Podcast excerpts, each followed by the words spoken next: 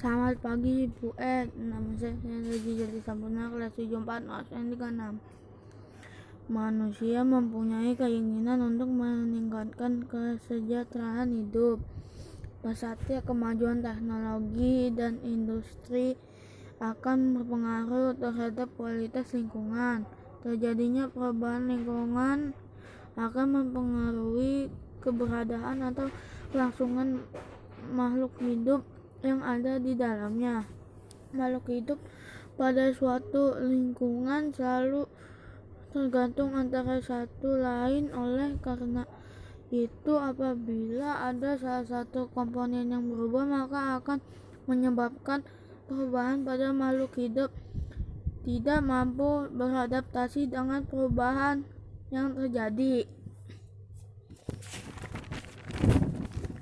Pada gambar pertama, beberapa daun jatuh pada pohon ke sungai. Daun tersebut akan terbawa air sungai dan tidak dapat menyebabkan bau air tetap jernih. Gambar sampah-sampah dibuang ke sungai akan menghambat arus sungai, dapat menyebabkan bau dan menyebabkan air menjadi keruh. Pencemaran lingkungan adalah segala sesuatu segala sesuatu baik berupa bahan-bahan fisika maupun kimia yang dapat mengganggu keseimbangan ekosistem. Jadi, pencemaran lingkungan jadi akibat kumpulan kegiatan manusia, populasi, dan bukan dari kegiatan perorangan individu. Zat yang dapat mencemari lingkungan dan dapat mengganggu kelangsungan hidup makhluk hidup disebut polutan.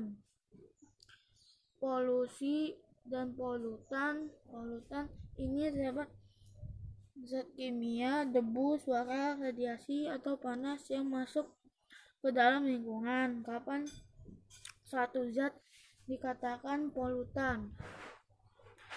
Kapan kapan suatu zat dapat dikatakan sebagai polutan?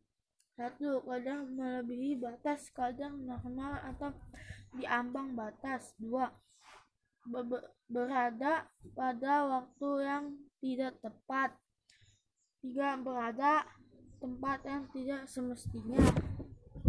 Tetapi manusia hanya dapat mengenal pencemaran yang diakibatkan faktor kegiatannya sendiri seperti limbah rumah tangga, industri, zat-zat kimia berbahaya, tumpahan minyak, asap penebangan tan, minyak bumi, dan limbah nuklir.